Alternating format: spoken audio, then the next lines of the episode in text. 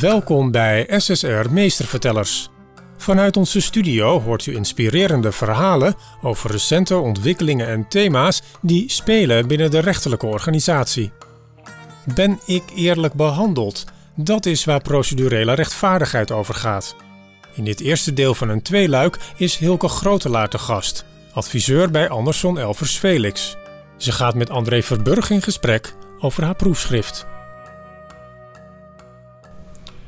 Hilke, uh, we hebben het vandaag over jouw proefschrift uit 2018, cum laude gepromoveerd. Ja, dat is dan het uh, gloriemoment. Maar daarvoor heb je natuurlijk maanden en maanden op de gangen gezeten bij de rechtbank. Vragenlijsten uitgedeeld aan mensen en gevraagd of ze die wilden invullen. Later nog weer contact met ze opnemen. Dus als je dat zo ziet, dan denk je eerst, waar heb je zin in? Maar als ik het nou positief formuleer, dan krijg je eigenlijk, ja, wat drijft jou? Wat is jouw motivatie om dit te doen? Dank voor deze introductie. Um, wat drijft mij? Nou, ik ben eigenlijk al sinds dat ik uh, rechten heb gestudeerd, altijd uh, geïnteresseerd geweest in niet zozeer het recht op zichzelf, maar vooral hoe beleven mensen nou het recht. En ik denk dat procedurele rechtvaardigheid daar heel mooi voorbeeld van is. Van nou ja, hoe eerlijk en rechtvaardig voelen mensen zich nou door dat recht en door de rechter die recht spreekt um, behandeld. En wat mij opviel uh, is dat heel veel procedurele rechtvaardigheidsonderzoeken in uh, de Verenigde Staten zijn uitgevoerd. Heel veel experimenten zijn gedaan, voornamelijk met bijvoorbeeld rechtenstudenten daar. Um, en mijn drive was om te laten zien uh, hoe procedurele rechtvaardigheid in Nederland werkt. Bij echte mensen met echte problemen in de rechtbank in dit geval. En om te kijken, nou ja, als mensen zich dan eerlijk en rechtvaardig uh, behandeld voelen, waar leidt dat dat toe? Kunnen we dan zeggen dat ze bijvoorbeeld ook meer vertrouwen in de rechter hebben of in de rechtspraak als zodanig? En uh, ja, met die drive ben ik op pad gegaan. Ja. En wat heb je dan uh, uiteindelijk onderzocht? Of eigenlijk, wat is de opzet van jouw onderzoek geweest? Hoe heb je het aangepakt?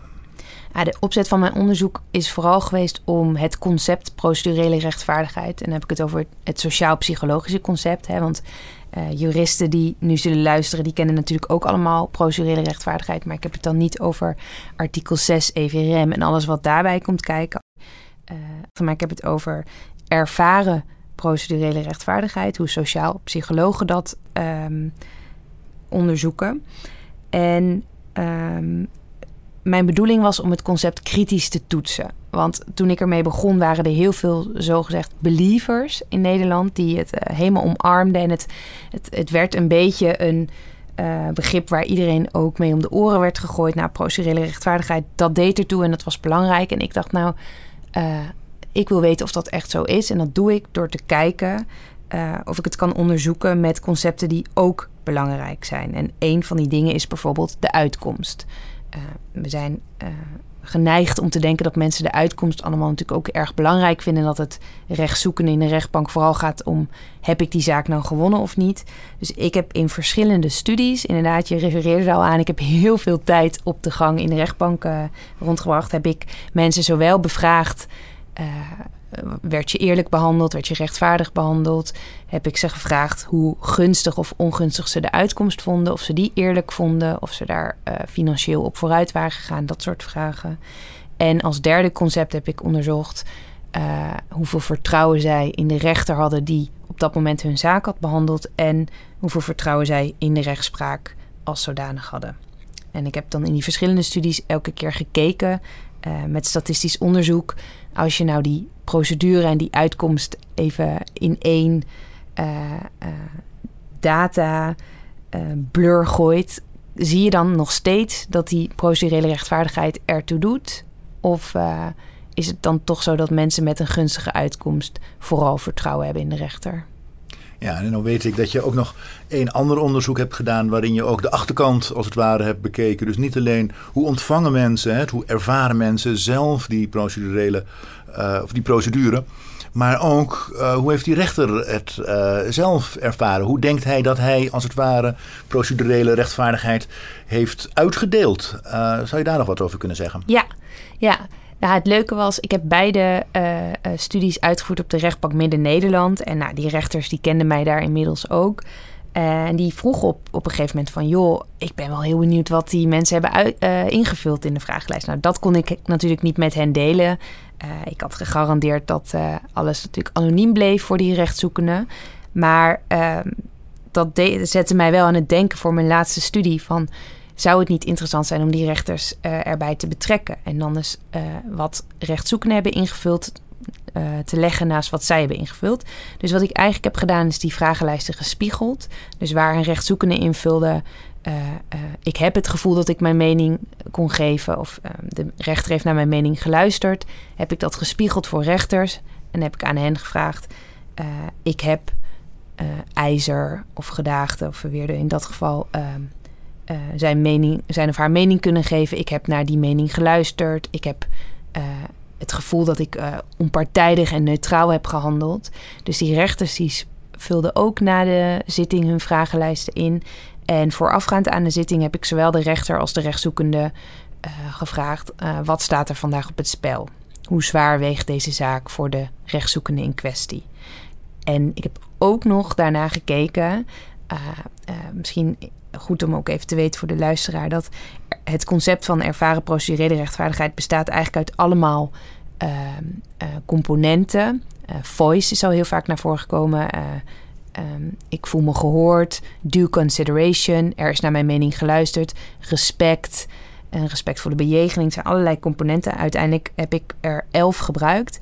En ik heb zowel rechters als rechtszoekenden gevraagd als je nou even terugdenkt aan een zitting, welke van deze elf componenten uh, was nou het allerbelangrijkst voor jou als rechtszoekende? En ik heb de rechter gevraagd uh, welke, welke van deze componenten denkt u dat het belangrijkst was tijdens deze zitting? Mooi, dan hebben we daarmee denk ik twee paren eigenlijk. Het ene paar is ervaren procedurele rechtvaardigheid versus de uitkomst. Trouwens, ook de ervaren uitkomst is dat. En het andere paar is hoe heeft uh, de burger het ervaren, de rechtszoekende, uh, versus uh, hoe denkt de rechter dat die burger het heeft ervaren. In die twee paren, kan je daar eens wat zeggen wat dan de uitkomsten waren? Wat waren de belangrijkste bevindingen? Ja, de belangrijkste bevinding overal over mijn hele proefschrift is gewoon procedurele rechtvaardigheid doet ertoe. Uh, ik heb in al mijn studies, uh, zoals we dat zeggen, een significante relatie, positieve relatie gevonden tussen procedurele rechtvaardigheid en vertrouwen. En dat betekent dat uh, naarmate mensen zich rechtvaardiger behandeld voelen door de rechter, zij ook meer vertrouwen in die rechter hebben. Dat als, als eerste belangrijkste bevinding. Maar zoals ik al zei, ik wil dat natuurlijk challengen. Dus ik heb inderdaad, zoals je zegt, de ervaren uitkomst daarbij betrokken. En uh, wat je dan ziet is um, dat die ervaren procedurele rechtvaardigheid... die blijft sterk bijdragen aan het vertrouwensoordeel van rechtszoekenden.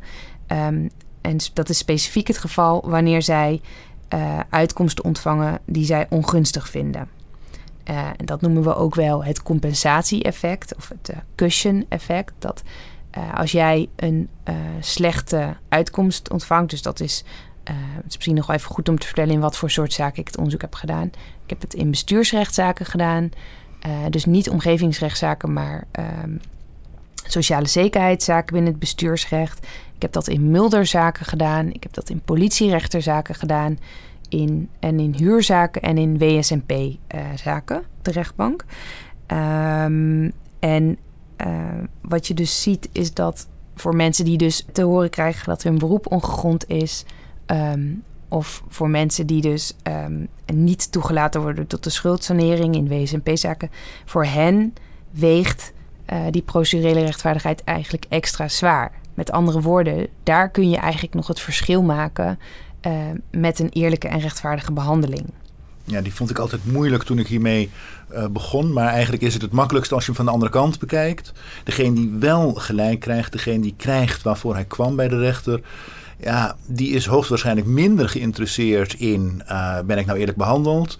En dus zeg jij ook, uh, het logische spiegelbeeld daarvan is ja, juist die mensen die niet krijgen wat ze willen, voor hen is het extra belangrijk dat ze een eerlijke procedure hebben gehad. Ja, zo zou je het kunnen zeggen, maar daarbij vind ik nog wel even belangrijk om te vermelden dat Uh, ook voor mensen met een gunstige uitkomst, dus die wel gelijk kregen, was er ook een sterk significante relatie met uh, procedurele rechtvaardigheid tussen procedurele rechtvaardigheid en vertrouwen. Dus wat je eigenlijk ziet is, dat is al een sterke lijn. Ik laat het normaal altijd met een, uh, een grafiek zien. En die, die lijn wordt eigenlijk alleen maar sterker en steiler op het moment dat de uitkomst ongunstig voor hen is. Oké, dit zijn jouw uh, belangrijkste uitkomsten. Uh, maar die tweede paarden, dat hebben we nu nog over. Die, ver, uh, die, die verhouding tussen uh, hoe rechters denken dat ze het gedaan hebben en hoe mensen het hebben ervaren. Dus daar ben ik ook nog benieuwd naar. Ja, ja uit, uit dat onderzoek blijkt allereerst dat het heel lastig is voor de gever van procedurele rechtvaardigheid, noem ik het even, de rechter, mm-hmm. om eigenlijk in te schatten wanneer de procedure eerlijk voelt voor de ontvanger. En dat is ook helemaal niet vreemd, want we hebben hier eigenlijk te maken met twee verschillende uh, psychologische indrukken van dezelfde zitting. Die van de rechter, en de rechter is daarin een expert, en die van de rechtszoekende als leek. En uh, wat die studie laat zien is dat de antwoorden van de rechters eigenlijk meer algemene, overkoepelende inschattingen zijn van de door hun gegeven rechtvaardigheid. En dat ze eigenlijk niet zo kijken naar de zaak waarin ze dan betrokken zijn, uh, maar meer een uh, overkoepelende indruk kreeg van ja, ik was hier rechtvaardig en eerlijk bezig. En uh, rechtszoekenden koppelen dat heel erg, ja, het is ook logisch, aan de specifieke zaak die zij op dat moment bij de rechter hebben. Grappig genoeg konden we wel significant aan elkaar verbinden um, wat ze aan de voorkant hebben ingevuld, wat er dus op het spel stond voor beide. Dat konden rechters uh, nou ja, zogezegd goed inschatten. En dat strookte met wat rechtszoekenden hadden ingevuld. Maar dat was niet het geval voor die procedurele rechtvaardigheid. En noem er daar eens een van als je wilt. Wat was echt uh, wat er uitsprong dat de rechter het heel anders inschatte dan de rechtszoekende? Ja, dat is wel interessant. Dat is met die componenten, waar ik ze dus als laatste nog naar gevraagd had van, nou, van deze elf componenten. Ehm, wat is nu het allerbelangrijkste? En wat je ziet is dat rechters eigenlijk nou ja, bijna echt meer dan de helft van de rechters die zei telkens, nou ja, dat is voice and due consideration, dat mensen zich gehoord voelen en dat ik daarna geluisterd heb. Terwijl er veel meer spreiding was onder rechtszoekenden. Uh, die vonden bijvoorbeeld 13% van alle rechtszoekenden die vond het ontzettend belangrijk uh, dat de rechter de zaak goed had voorbereid. Nou, dat was niet iets wat rechters uh, hadden aangekruist. Heel weinig rechters hadden dat maar als belangrijkste component opgeschreven. En wat verder interessant was, uh, is dat dat per type zaak verschilt. Dus in WSMP-zaken, uh, schuldsaneringszaken, zie je dat een respectvolle belang, uh, behandeling heel belangrijk werd geacht door de rechtszoekenden. en, dat, en die rechters, die hebben dat dus heel anders ingeschat. Daar, daar werd weer, um, ik voel me gehoord en ik heb geluisterd, aangekruist.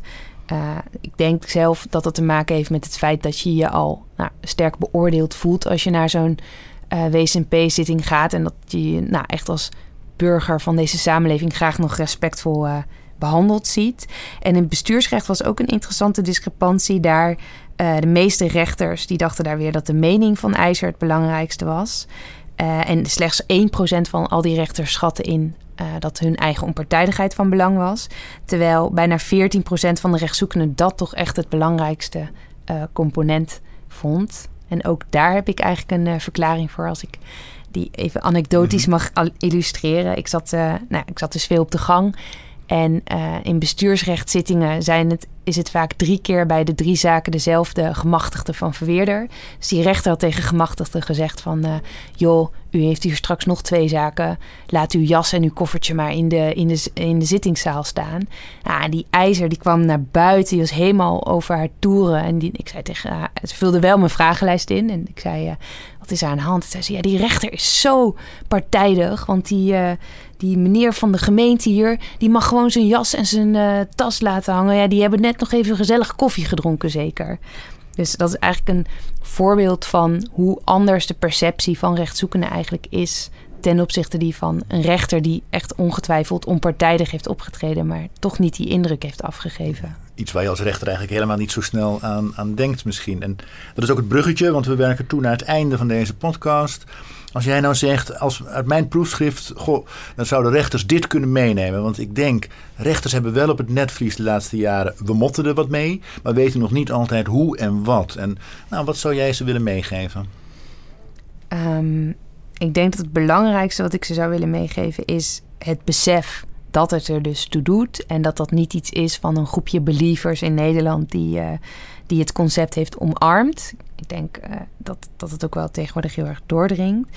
En uh, dat het dus heel nauw luistert per type zaak, maar ook per wat de rechtszoekende op, op het spel heeft staan. Of je werkt naar een voor de rechtszoekende negatieve uitspraak. Dat je daarin toch ook wel aan de knoppen kan draaien als rechter van hoe, hoe richt ik deze procedure zo rechtvaardig en eerlijk mogelijk in, dat toch het vertrouwen in de rechtspraak blijft bestaan. En uh, idealiter natuurlijk uh, de rechtszoekende ook gewoon de uitkomst toch accepteert. Ook al is dat niet per se een gunstige uitkomst. En ik denk dat jij nog veel meer hierover kan vertellen in de volgende aflevering van deze podcast. Want jij hebt natuurlijk eigenlijk mijn proefschrift gespiegeld door te kijken wat de bestuursrechter daar nou mee kan. En daarmee hebben we het bruggetje naar inderdaad de volgende podcast. Dankjewel Hilke. Dit was SSR Meestervertellers. Wilt u op de hoogte blijven? Abonneer u dan op onze podcast. Graag tot een volgende keer.